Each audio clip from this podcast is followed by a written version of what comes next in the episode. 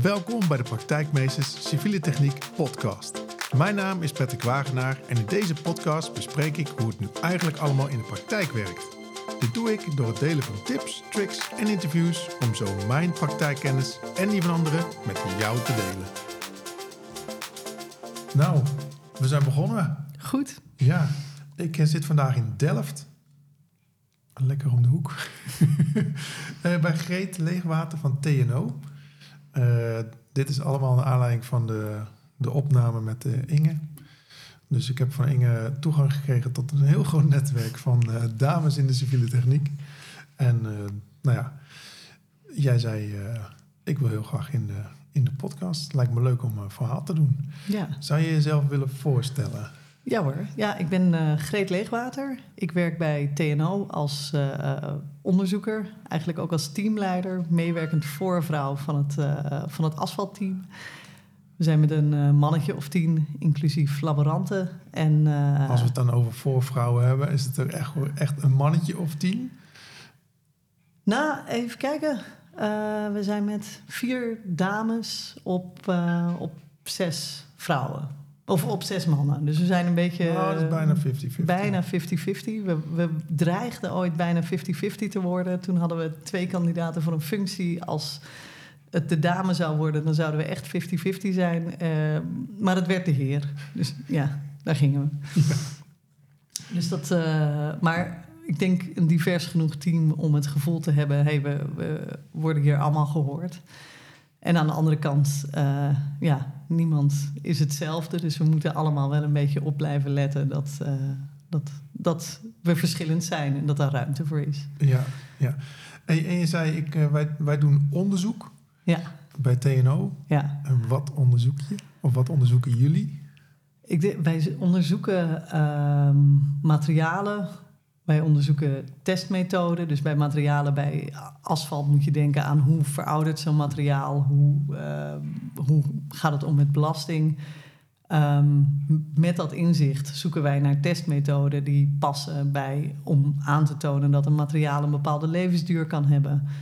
Um, daarnaast werken we ook aan meer datagedreven benaderingen. Dus stel dat je heel veel weet van het degraderen van uh, een netwerk, een asfalt, een, wegennetwerk uit de praktijk. Kan je die data inzetten om daadwerkelijk iets te leren over de materialen die je daarvoor gebruikt hebt?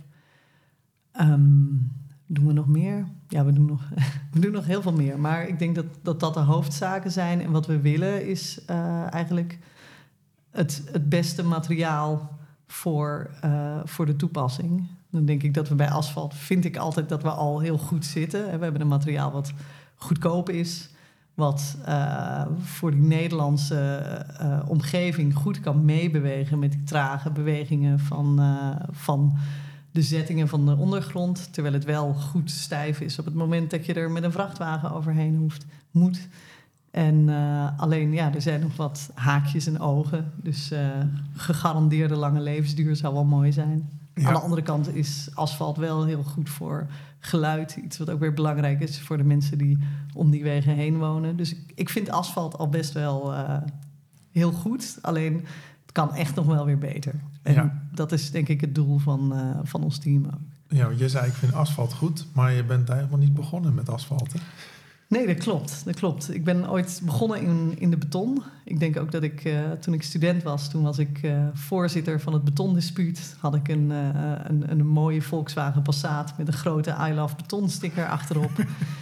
en ja, dus ik, ik was heel erg van de beton. Ik vond beton ook een heel mooi materiaal. Ik denk dat ja, zelf stenen kunnen maken in de vorm die jij nodig hebt, dat is best wel een mooi gegeven. Vond beton ook altijd een beetje een ingewikkeld materiaal, want je had een materiaal wat sterkte moest ontwikkelen en uh, wat uh, ook een beetje kon kruipen, dus bewegen onder invloed van belasting. Dus het feit dat je niet één materiaal met één prestatie had, maar iets wat veranderde in de tijd, dacht ik, oh, dat is best wel lastig.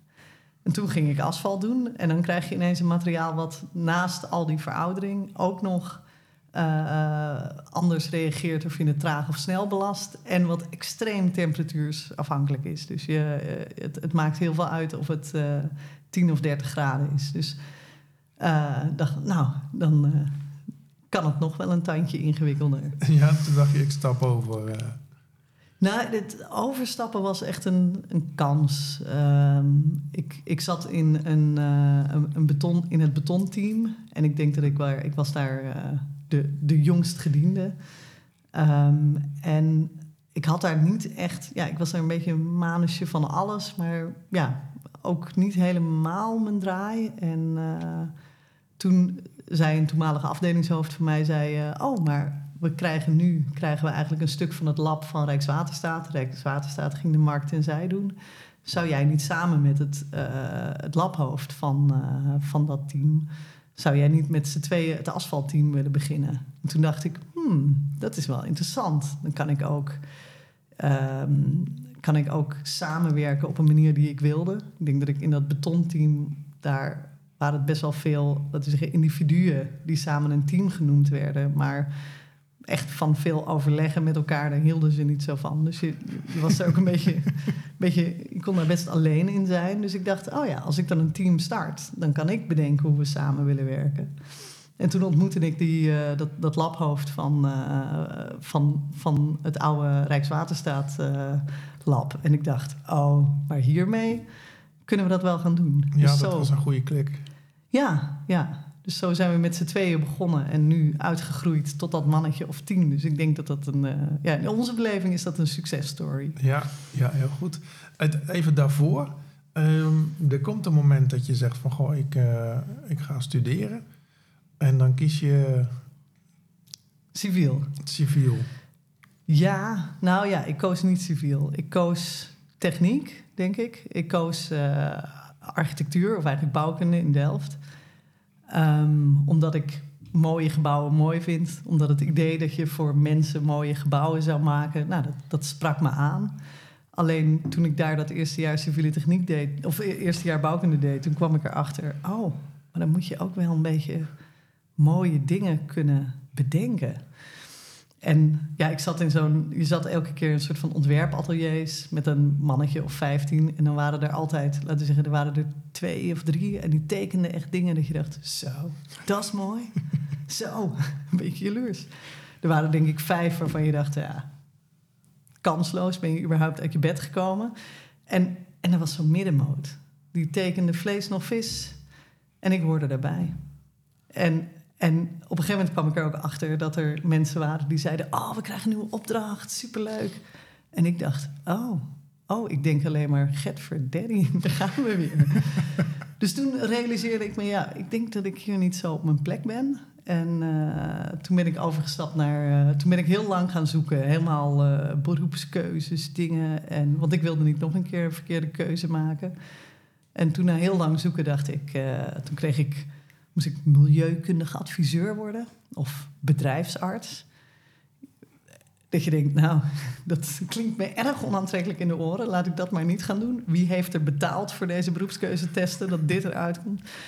Maar ik dacht, ja, waarom wilde ik nou bouwkunde doen? Ja, ook wel omdat ik iets wilde bouwen. En toen dacht ik, ja, maar dat, als ik dan civiel ga doen, dan kan ik nog steeds bijdragen aan die bouw. Maar dan wel vanuit mijn kracht. Namelijk uh, de sommen maken die daarvoor nodig zijn. Want daar ben ik eigenlijk veel beter in dan de, de plaatjes. Ja. Dus toen ben ik civiel gaan doen. Toen kwam, liep ik daar rond en toen dacht ik, ja, ja, dit, is, dit, is, het. dit is het. Vakken als beton 1 en hout 2, superleuk. Ik, ik, ging, ik, ik, was er heel blij mee. Ja, maar ja, met name voor, voor het rekenwerk? Nou ja, uh, ja, ja, denk ik wel. Ja. Ja, ik denk dat een soort van. Hè, dus het, het idee dat je een som kan maken om te berekenen hoe sterk iets is, hoe je, hoeveel moet ik erin stoppen zodat het werkt. Ja, dat, dat vond ik uh, interessant. Later ontdekte ik dat ook de materiaalkunde van hey, zo'n materiaal is niet zomaar zo sterk. Ik zat, op een, uh, ik zat met, met uh, een projectgroep in Kenia en daar moest ik voor het eerst zelf beton maken. En dus was een B25. Ja, dat, was niet, hè, dat is niet zo bijzonder. Dat zou iedereen moeten kunnen. Dus ik stond daar in het lab met mijn ton te storten. En het werd een B15. Ik dacht, hoe kan dit? Hoe kan het nou dat, dat, dat ik jarenlang sommen kon maken van dit is een B25 en nu ik het zelf moet doen, is dat helemaal niet zo triviaal om uh, een beton met een bepaalde sterkte te maken. Dus dat triggerde ook die gedachtegang over hey, er zit daar nog een stuk materiaalkunde aan. Ik was eigenlijk ook altijd best wel ja, goed in scheikunde. Dus toen ineens klikte er wat en dacht ik... Hmm, materiaalkunde, ook dat, leuk. Dat is het, ja. Ja, dus uiteindelijk materiaal, materiaalkunde in de constructies. Dat is waar ik afgestudeerd ben. En, uh, dus ik ben ook afgestudeerd op autogene krimp van cement, pasta en beton. Over, uh, en dat was ook heel leuk, experimenteel werk. Opstellingen bouwen en dan uh, kijken of je kan bedenken waarom iets doet wat het doet. Ja, want dat, dat zit wel een beetje jouw ding, hè? het onderzoeken. Mm -hmm. We hadden net een voorgesprek en toen zei je ja... Uh, ik zit meer op het onderzoek. Past dat wel juist in, in zo'n podcast? En ik dacht van ja, juist het, het onderzoeksgedeelte, dat zit uh, vaak voor het traject waar nou ja, in de uitvoering mee, mee in aanraking komt. Maar uiteraard uh, op het ontwerpgebied uh, zit je al een heel stuk dichterbij hetgene wat jij doet. En wat ik nou ja, eigenlijk wel heel leuk vind om nu mee te krijgen, want daar hadden we het net over. er zijn steeds meer aannemers die komen met alternatieven, juist voor de verduurzaming. En ja, dan is wel de vraag: oké, als we nu een weg gaan aanleggen in dit type asfalt, dat eigenlijk nog niet bekend is, hoe verhoudt het dat zich? Uh, klapt het over drie jaar uit? Of uh, is dit het ei van Columbus? Dan hebben we, hebben we tien jaar lang een hele strakke weg, dat ook nog eens heel duurzaam is. Ja, ja dus dat is belangrijk. Het is, hè, dus we willen nieuwe materialen gebruiken. We willen materialen gebruiken die, die ervoor zorgen dat we uh, eigenlijk meer duurzaam kunnen bouwen. Misschien wel voor eeuwig uh, kunnen recyclen. Nooit meer stenen uit Noorwegen. Nou zal dat niet helemaal het geval zijn, maar uh, we, we willen dat. En aan de andere kant hebben we een materiaal wat zich heel lastig laat vangen. Hè? Wat ik zei van uh, temperatuursafhankelijk, snelheidsbelastingsafhankelijk uh, en dan ook nog verouderend. Dus hoe, hoe vang je nou op het moment dat je het gaat maken, uh, dat, dat moment van einde levensduur wat pas tien jaar later komt? En dan heb je, ik weet niet, uh, Rien Huurman is, is daar altijd, die zegt, ja, je kan toch geen cake in 30 seconden bakken, dus zo'n test kan je ook nooit maken. Nou ja, nou denken wij van nou, het klopt dat je geen cake in 30 seconden kan bakken, maar um, je kan wel bepaalde risico's afschatten. Je kan wel dingen buiten de deur houden. Je kan echt wel een test maken die kijkt naar um, hoe een materiaal wat je al verouderd hebt. En je kan kunstmatig in het laboratorium zorgen dat je uh, met verhoogde temperatuur en verhoogde druk veroudering versnelt, waardoor je wel kan zeggen, nou ja, dit materiaal is verouderd en uh, dan kan je er een zware belasting op zetten en dan kan je zeggen, nou, dit gaat uh, sneller. Aan de andere kant, um, we zijn daar nog niet. Een van de projecten die loopt um, in het programma Knowledge-Based Pavement Engineering. Dus dat is een programma wat door Rijkswaterstaat betaald wordt en door de TU Delft en TNO samen wordt uitgevoerd. Daar hebben we het programma, uh, daar hebben we het project R-Team. Dus het gaat over een. R staat voor rafeling. En ons doel is een ravelingstest ontwikkelen. En dan hebben we de, de ravelingstest die we al kennen in Nederland, de, de RSAT, gepakt. Rotating Surface Abrasion Test. Ooit ontwikkeld uh, in Nederland uh, bij Heijmans. En die wordt altijd op vers materiaal uitgevoerd. En wat we nu gaan onderzoeken is, uh, hey, als je dat op verouderd materiaal doet, krijg je dan eigenlijk een betere correlatie met de praktijk. Want het, dat, dat is altijd lastig. Je kan allerlei dingen in het lab doen, maar hoe zorg je voor een betrouwbare correlatie met daadwerkelijk de praktijk? Ja, want dat was inderdaad mijn. Die, die vraag had ik ook. uh, nou, je hebt mezelf al gesteld, maar, maar hoe, hoe werkt dat? Want uh, stel, een aannemer heeft een uh, nieuw product. Ja. Hoe, wat, wat gaat hij doen? want meestal als een aannemer ja, bij een gemeente of bij een overheid aanklopt en zegt: Ik heb wat nieuws. Dan kan ik me. Jij zei net een hele mooie. Ik weet niet of je mezelf wil herhalen, maar.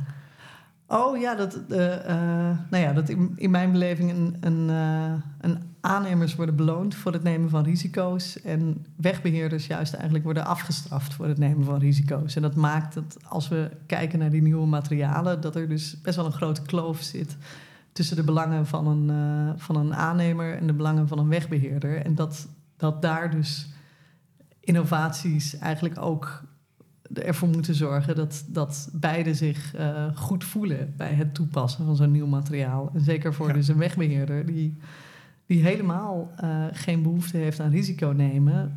Hoe moet je dat dan organiseren? Ja, ja, want dat is inderdaad het punt. Als een aannemer met iets nieuws komt en het blijkt niet te werken, dan ligt het probleem vaak bij de wegbeheerder, Ja, die het daarna mag gaan oplossen.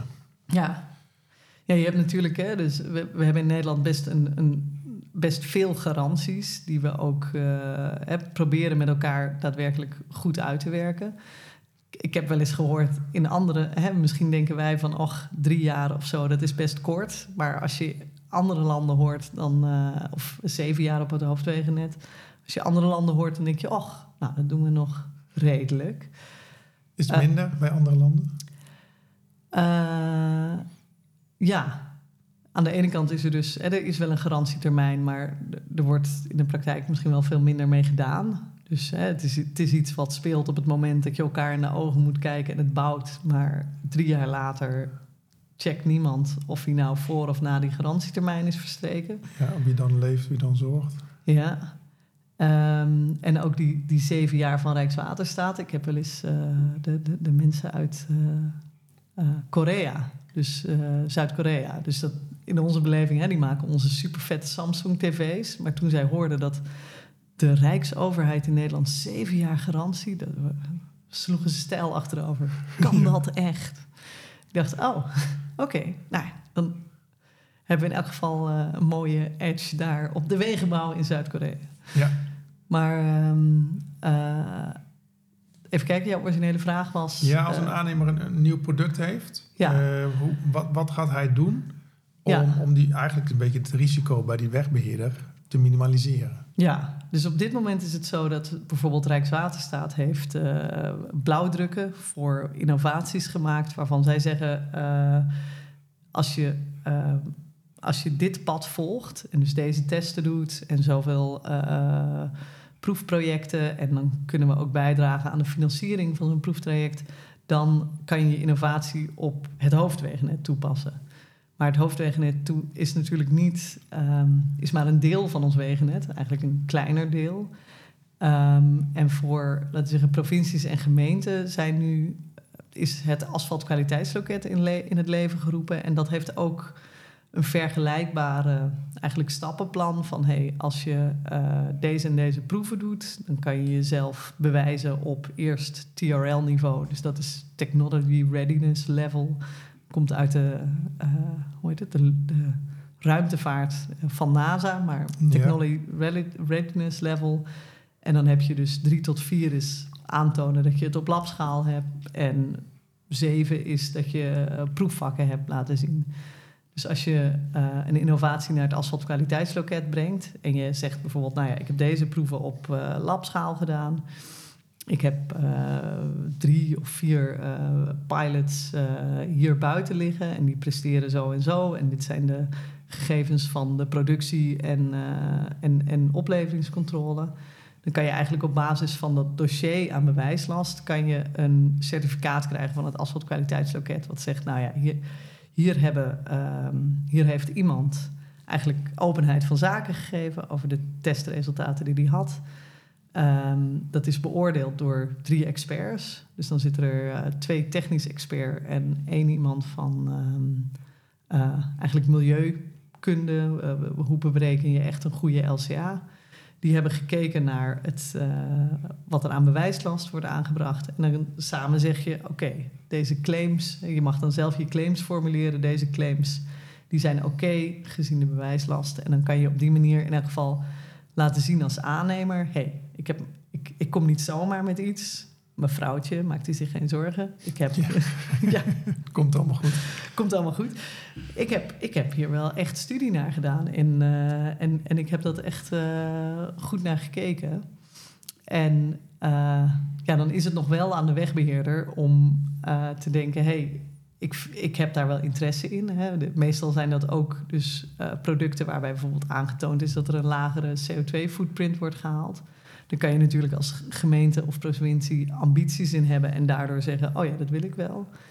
Maar ja, volgens de RAW kun je ook zeggen, nou, dat wil ik niet. En dus dat is nog wel, hè, daar, daar moeten we met z'n allen denk ik nog wel de modus vinden van ehm, is er ook, ja, wat is nou de, de grote beloning misschien voor een wegbeheerder om uh, wel aan dit soort spannende trajecten te beginnen. En er zijn ook wel gesprekken over, zou je niet samen een soort van risicopot moeten vullen? Dat je zegt... Uh, ja, je, moet, je moet ergens beginnen. Ja, en je, elke verandering die, die, uh, die neemt een risico met zich mee. En, en daar moet je met z'n allen eigenlijk eerlijk en open over zijn en zeggen, hé, hey, dat, dat gaat gebeuren. Ja. Als je nu... Uh, nou, die testen worden uitgevoerd ehm, er wordt een certificaat afgegeven. We hadden net uh, in het voorgesprek zei je van ja, iemand van een ambtelijke organisatie belde en die zei ja, de aannemer heeft voor mij een certificaat, dus ik moet het wel accepteren. Ja, nou ja, dus je hoeft het niet te accepteren, want het, het, het zit niet in onze regelgeving. Het zit eigenlijk meer in, in een soort van uh, extra uh, bubbel die we onder regel, regelgeving hebben geprobeerd te maken om die innovaties naar de markt te krijgen. Dus ik, ik heb hem aan de ene kant gezegd, ja, volgens mij mag je gewoon nee zeggen. En aan de andere kant heb ik gezegd, maar overweeg nou alsjeblieft om ja te zeggen. Omdat, uh, en, en misschien kan je dan zeggen, oh, dan wil ik wat meer uh, dat je bepaalde dingen beter monitort tijdens de, de uitvoering of de oplevering. Maar denk erover na, want we gaan met z'n allen een transitie in. En wat we nu als innovatief beschouwen, 50% PR in een deklaag, dat is denk ik over vijf tot tien jaar uh, standard way of working. Want als wij klimaatdoelstellingen willen halen, dan, dan moeten we wel. Ja, we moeten ons blijven verbeteren erin.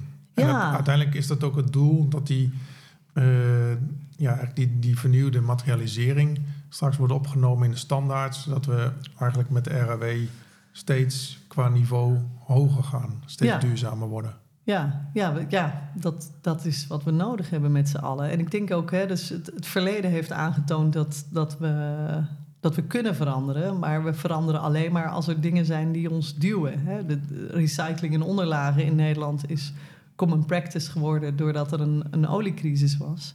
En dat heeft ons uh, tot nu toe nog nooit in de staart gebeten. Dus ja, ik, ik acht deze innovatie ook gewoon mogelijk. Alleen, uh, alleen moeten we er ook goed over nadenken van... Hey, hoe doen we dat dan en hoe, hoe bouwen we daar waarborgen in? Ja. Um, ik zit even te kijken. Je vertelde ook dat je bezig bent met promotieonderzoek. Ja, ja. Ik, uh, Afrondende fase. Ja. Ik, uh, ik heb goede hoop dat ik uh, in 2024 uh, eh, het mag verdedigen. Maar dat, dat, wanneer dat nog precies is, dat is nog niet vastgesteld. Dus het, ja, het is nog niet zeker, maar er ligt een heel manuscript. En dat zijn we nu aan het reviewen samen met professor Sandra Erkens. Kun je een tipje van de sluier oplichten wat jouw onderzoeksvraag is geweest? Ja, mijn onderzoeksvraag ging over healing van asfalt. Healing is eigenlijk uh, de observatie die we al 70 jaar geleden hebben gedaan: dat als je asfalt belast in een proefopstelling in een, uh, in, in een laboratorium en je stopt even met belasten, hè, stel dat je machine even stuk gaat en, en je gaat daarna weer verder. Dat je ziet dat het asfalt eigenlijk een heel deel van de sterkte die, of van de stijfheid die die had, verloren tijdens die test weer terugwint. Het herstelt zichzelf eigenlijk. Het herstelt zichzelf. En je, hebt ook, eh, je kan uh, wat asfalt onder de microscoop leggen en dan kan je ook zien dat, dat scheuren dicht kunnen vloeien. Dus uh, we weten dat het dat doet. Alleen um, omdat uh, het, het laat zich vrij lastig vangen. Want als je asfalt gaat belasten, dan maak je het ook een beetje warm. Uh, en je maakt het een beetje, eigenlijk je kan die moleculen door ze te bewegen, maak je ze ook een beetje mobieler. Dus in zo'n belastingstest gebeurt er van alles tegelijk. En daardoor, is het, daardoor hebben we eigenlijk op dit moment geen healing test. We weten dat het gebeurt. We weten dat het positief bijdraagt aan de prestatie. We weten niet zo goed wat nou de healing triggert. Of nee, het, is het een samenloop van... van en, en hoeveel het is. dus het belangrijkste is dat je het zou willen kwantificeren. En misschien zou willen zeggen van hey, dit materiaal hield beter dan het andere materiaal. Of wat je um, in andere materialen heb je gezien dat er uh, zijn er allerlei ontwikkelingen geweest dat je zelfherstellende materialen kreeg. dat was pas veel later, maar dat je materialen, bijvoorbeeld wat capsules met wat uh, uh, lijm meegaf, waardoor een plastic zich na scheuren weer kon herstellen. Nou ja, zo zou je ook kunnen nadenken over asfalt, waar je wat verjongingsolie in capsules instopt en die zich kan herstellen. Maar toen met die zelfherstellende materialen was er, ja, wat is dan je referentie? Hoe, hoe goed zelfherstelt een asfalt? Dus er zijn allemaal vragen, ook nu met nieuwe materialen. Hielen die net zo goed als de oude materialen? En er is geen proef voor. En dus daar, dat, dat is het onderwerp van mijn promotieonderzoek. En ja, het, de teleurstellende, en zo gaat het soms met onderzoek, is dat ik heb uh, wel een proef ontwikkeld. En ik denk, denk dat hij, hij zegt iets over dat zelfherstellende. Maar hij zegt nog niet alles. Hij zegt maar een stukje. En uh, dus uh, het is een klein stapje verder in de, in de kennis die we hebben van asfalt. Maar als je mij aan het begin had gevraagd wat bereik je, nou, dan, had ik, dan had ik veel meer bereikt. Jammer genoeg. Ja. maar, maar ik heb er wel veel van geleerd. Dit is een eerste stap. Komt er nog een vervolg achteraan? Um, goeie vraag. Uh, ik, ik, ik, sprak deze zomer sprak ik, uh, op een conferentie ergens. Uh, sprak ik iemand die ook onderzoek had gedaan naar healing. En die zei. eigenlijk, hij zei na vier jaar promotieonderzoek: zei hij, Nee, daar moeten we geen onderzoek meer naar doen. Het is echt te lastig. En toen dacht ik: Hmm. Hmm. Hmm. hmm. Ja, is het nou echt tijd om op te geven? Dus ik, ik, ik, ben nog een beetje ambivalent, maar het is wel super lastig dat dat healing eigenlijk een, soort van tweede orde effect is, wat je, wat je ergens op de bodem van allerlei proefresultaten moet vinden uh, aan het eind van een heel stuk. En uh, misschien, ja, misschien, misschien is dat wel een brug te ver voor dat materiaal wat zich zo lastig gedraagt. Ja. Alhoewel ik ook denk dat ik wat nuttige dingen uh, heb kunnen vaststellen. Dus in die zin was mijn onderzoek ook nuttig. Dus nou ja, dan zal een vervolgonderzoek ook nuttig zijn. Denk ja, want je, wat je net ook aangaf, is dat eigenlijk dat, dat, dat de healing, dat proces, uh, je kunt niet zo goed duiden waar het nou door komt. Alleen dat is wel binnen de bestaande mengsels. En nu komen er nieuwe mengsels, juist om die verduurzaming uh, in gang te gaan zetten. En daar is die healing eigenlijk nog niet in onderzocht. Nee, klopt. Dus hoeveel, hoeveel, uh, hoeveel uh, nou, procentueel, hoeveel gaat jouw onderzoek daaraan bijdragen om dat inzichtelijk te maken? Of is dat lastig uit te drukken? Procentueel is het lastig uit te drukken. Maar ik denk wat, wat mijn onderzoek aantoont, is dat uh, een materiaal wat zich gedraagt zoals we willen dat asfalt gedraagt. Dus wat, wat vervormingscapaciteit heeft, wat uh, een beetje relaxeert. Dat, dat is een goed. Dat, zo'n materiaal zal ook goed healen. Dus eigenlijk als een materiaal zich op uh, ja, op een beetje afstand zich hetzelfde gedraagt als de materialen die we kennen, dan voorzie ik voor healing eigenlijk exact hetzelfde gedrag. Wat we, ehm, dus dus in die zin denk ik, nou ja, dan, dan voeg je heel veel toe. Want je neemt eigenlijk een onzekerheid weg uh, dat, dat um, er materialen kunnen zijn die zich precies hetzelfde gedragen, maar dan ineens niet zouden healen. Dat is, dat is niet waar. Nee. Um, dus dat is denk ik een winst. Wat er, wat er nog wel relevant is om te onderzoeken, is dat we kijken naar ook extra dunne lagen van extra stijve materialen. Um, die, uh, die zich echt anders gedragen, maar uh, wel dus kunnen leiden, tot een materiaalbesparing. Daar zegt dit onderzoek nog niet zo heel erg veel over. Die, maar aan de andere kant moet ik wel zeggen dat het onderzoek zegt: ja, alles, alles wat uh, een beetje vloeibaar wordt bij hitte, zoals we asfalt maken, dat zal allemaal een beetje healen. Alleen als, als, je, la, als je moeilijker vloeibaar wordt, dan zal dat healing ook wel langzamer gaan. Ja, ja. Dan gaan we heel erg de, heel erg de diepte in. Nee, ja, nee, ik vind dat leuk. Uh, waar gaat het... Uh, uh, nou, we zitten nu eind 2023. Dan staan we over tien jaar. Oh, over tien jaar dan, uh, dan recyclen we standaard uh, al het asfalt ook hoogwaardig. Hè. Dus op dit moment uh, gaat het meeste van het gerecyclede asfalt gaat in onderlagen, dan gaat het ook in bovenlagen. Op dat moment uh, hebben we. Een van de uitdagingen die daar nog ligt is verjongingsmiddelen. Welke verjongingsmiddelen gebruiken we om te zorgen dat we dat asfalt wat verouderd is, eigenlijk weer krijgen zoals we het willen hebben?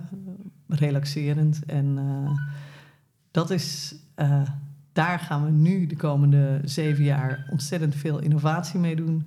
En daar ga je zien dat uh, dat, dat biobased materialen worden. Um, op dit moment binnen TNO hebben we net een, een, groot project binnengehaald waar we gaan proberen om zelf algen te kweken. Algen die kunnen olie maken, vettige olie. Dat we um, die olie gaan tailoren om eigenlijk precies te doen wat je wilt van zo'n verjongingsmiddel. We weten nu nog, ja, we hebben nu nog uh, wat verkennend onderzoek gedaan waar we hebben laten zien van hey, dat verjongingsmiddel, als we niks bijzonders doen met die algen of met de, met de winning, met de, eigenlijk het halen van de olie uit die algen, dan doet het het net zo goed als de verjongingsmiddelen die we nu hebben. En de ambitie die we hebben is dan gaan we vanaf eigenlijk de eerste druppel kunnen we helemaal sturen wat daar gaat gebeuren. En dan zijn we minder afhankelijk van hè, dus de, de reststromen, hoe het nu gaat. En kunnen we gewoon iets maken wat helemaal precies is wat we willen.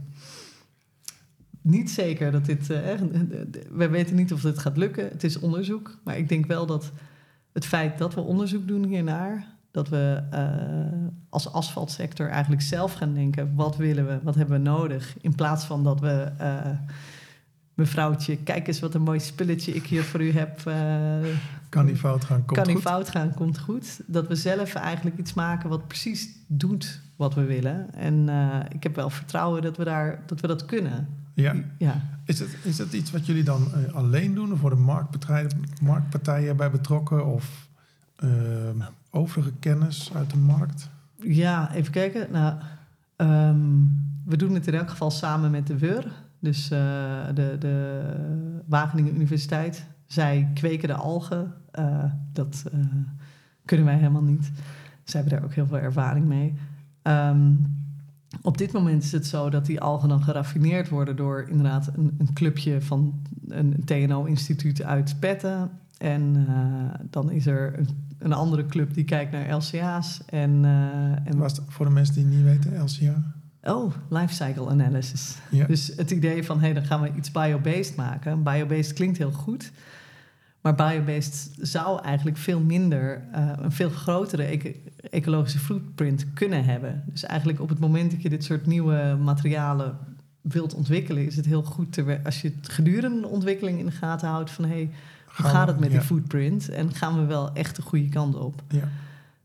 Um, dus een, een, dat is ook een stuk TNO, maar dan uh, ook een andere afdeling. En dan hebben we de afdeling in Delft, waar, waar ik ook werk, uh, waar we echt kijken naar die technische prestatie van uh, dat verjongingsmiddel in het asfalt.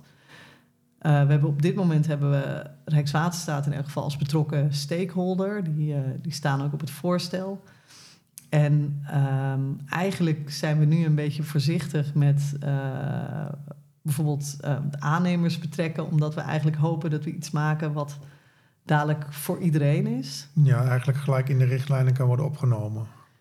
Ja, of in elk geval um, niet dat het gebonden is aan één van de partijen, maar dat het, dat ja. het uh, iets kan worden wat, wat, wat iedereen altijd en overal kan gebruiken. Um, aan de andere kant hebben, voorzien we wel van, hè, als we nou na twee, het is een project nu van vier jaar, als we na twee jaar zien van hé, hey, um, dit heeft wel kans van slagen, maar dit kan je niet laten vliegen zonder dat je uh, dit soort partijen erbij hebt, dan vermoed ik dat we, dat we daar ook weer gewoon over gaan praten. En aan de andere kant hoop ik ook dat, uh, dat de kennis die we opdoen ook weer veel groter wordt dan, dan dit ene project en dit ene initiatief.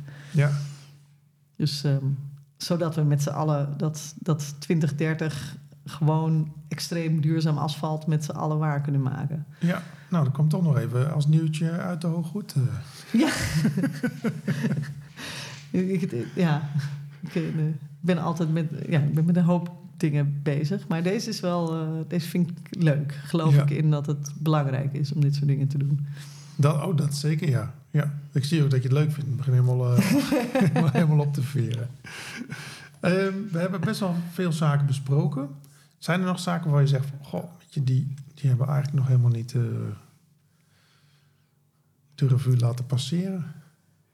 Ja, misschien toen ik nadacht over hey, wat zou ik nou graag willen vertellen over de praktijk of over aan, aan, eh, in deze podcast, dacht ik, hey, wat ik zelf heb gemerkt is dat, eh, dat, het, dat het helemaal niet eenvoudig is om met z'n allen dingen anders te doen. En dat je best wel veel eh, vertrouwen met elkaar moet hebben. Eigenlijk, je doet het nooit alleen. Je doet dat met, met een groep. En misschien wel met een groep die helemaal niet exact dezelfde belangen heeft.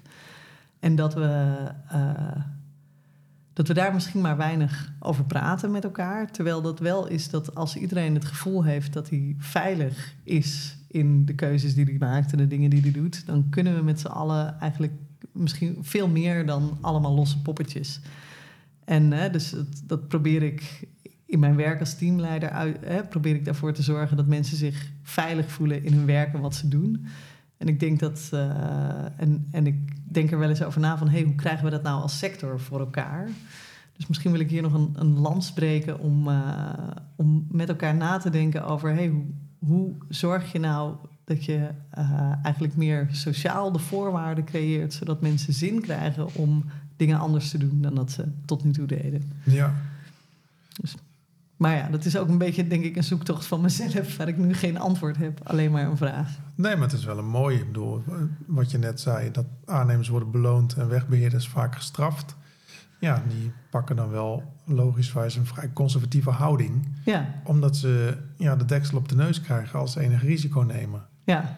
Als, Ja, ze, en- als ze en- daarin gesteund worden, dan, ja, dan denk ik dat de ontwikkelingen misschien nog wel veel sneller kunnen gaan. Ja. Ja, en ook in die zin is het ook, hè, dus het, de, de, de- we, zijn, we zijn daar vaak aan het jijbakken. En, en, maar ergens moeten we ook als, als, we, hè, moeten we als sector met elkaar bedenken, ja, we hebben gewoon een, een marktwerking georganiseerd waarbij aannemers ook een beetje risiconemend moeten zijn. Dus daar moeten we ze ook niet te lelijk voor behandelen, want ja, dat, dat is hun rol. Ja, En eh, dus ja, een beetje begrip voor elkaars rollen en dan ook begrip voor elkaars pijnpunten. En eh, misschien, misschien gaat het dan allemaal veel sneller.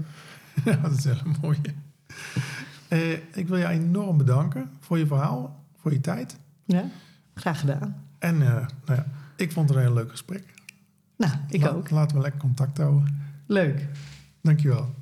Jij ook bedankt. Bedankt voor het luisteren naar deze podcast. Wil je nooit meer een aflevering missen? Abonneer je dan in je podcast-app. En wil je meer informatie? Kijk dan op www.praktijkmeesters.nl.